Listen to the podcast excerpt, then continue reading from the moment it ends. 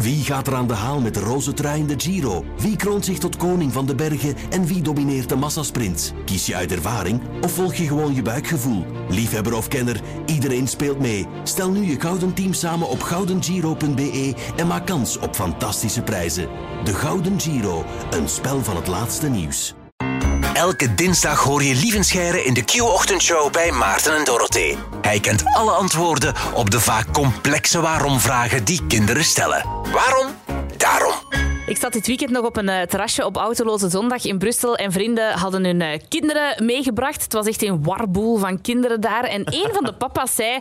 Ja, ja, die van ons zit in haar waarom-fase, hè? Ja, het overkomt natuurlijk elke ouder. Duizend vragen waar je als volwassene ook vaak het antwoord niet op kent. Gelukkig is daar Lievenscheire to the rescue. Goedemorgen. Een goedemorgen. 21 september, begin van de herfst. Ja, dat klopt. Maar het begin van de herfst ligt altijd rond 21 september. Ai, ai, Ja. ai. Ja, daar ga... Ah, Sorry ja, jongens, ja, ja. jullie op hebben... school leren we toch 21 september, hè? Ja, zeg maar, zeg Je maar. hebt een natuurkundige uitgenodigd Ja. en je gaat het geweten Ja, hebben. Dus het sterrenkundige begin van de herfst Ah. is een exact punt Ja. van de baan van de aarde rond de zon. Ja. En dit jaar valt het op 22 september om 20 na 9. Je kunt dat op de minuut uitrekenen. S'avonds? Ja, ja, 20 Oké. na 9 s'avonds. Dus morgenavond om 20 na 9 kun je zeggen: Hoera, de zomer is gedaan. En dan Ja. kun je het prachtige nummer Summer's Almost Gone van The Doors opzetten. En melancholisch in de verte staren. We denken er nog over na. Maar goed We idee. bellen nog. Be- Bedankt daarvoor. Eh, we zijn trouwens gisteren begonnen met eh 20.000 euro in 20 seconden. Ja. Stel, Lieven, jij bent een van onze winnaars. Wat zou je doen met 20.000 euro? Goh, 20.000 euro. Oh, ik denk hele dure robots kopen. ja, maar met 20.000 kom ik er niet. Hè. Wacht, die, Nee. hoeveel, hoeveel kost die spotrobot van Boston Dynamics nu? Oei, dat weet ik niet. Hey, was dat niet 70 of 60? Ja, het zou kunnen. Maar maar er ik is kan al nu, bijleggen, hè? ja, er is nu een, een Chinese kopie van die goedkoper is. Ah, ja. Dus misschien een robothond kopen, ja. Ja. Echt zo'n grote, hè? Ja. Over honden gesproken. Dit is de vraag van deze week. Ik ben Louis en als ik met mijn twee honden speel, voel ik altijd een natte neus. Dus ik vroeg me af waarom honden altijd natte neuzen hebben. Aha, de natte neuzen van de honden. Ja, eh, de hondenneus heeft meer functies dan ruiken alleen. Oh. En eigenlijk werken ze allemaal beter bij nattigheid. En we hebben het dan niet alleen over geur, maar de neus van de hond heeft nog een functie, namelijk koeling. We weten allemaal dat honden het eh, moeilijker hebben dan andere dieren om af te koelen. Ze kunnen niet zweten, hè? Inderdaad. En dus eh, ze, hebben, ze hebben eigenlijk maar heel weinig plekken op hun lichaam waar ze kunnen koelen. Eh, de voetzolen is er eentje van, van de hond. En natuurlijk weten we allemaal de tong. Hè. Dat hijgen met die tong uit de mond, heel Ja. typisch hondengedrag, is afkoeling. Maar die neus is ook een van de weinige plekjes waar geen vacht op staat, waar heel veel luchtstroming is. En dat is ook een belangrijk koelpunt voor de hond. En een nat oppervlak koelt beter dan een droog. Omdat bij Ja, ja. een nat oppervlak kunnen er dingen verdampen. En verdampende vloeistoffen nemen ook een beetje warmte mee. Dus vandaar dat die hondenneus nat is. Maar natuurlijk, om te ruiken werkt het ook veel beter.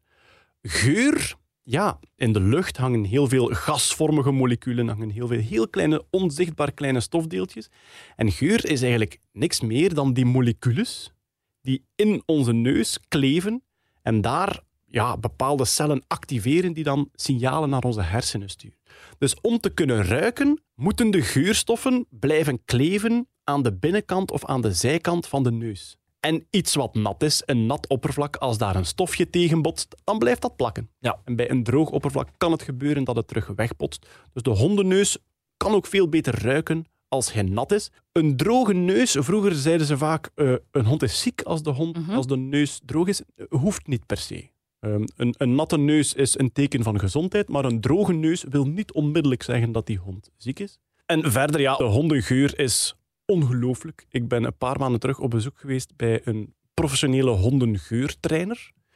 Eh, die honden worden niet getraind voor detectivewerk, maar voor medische opsporing.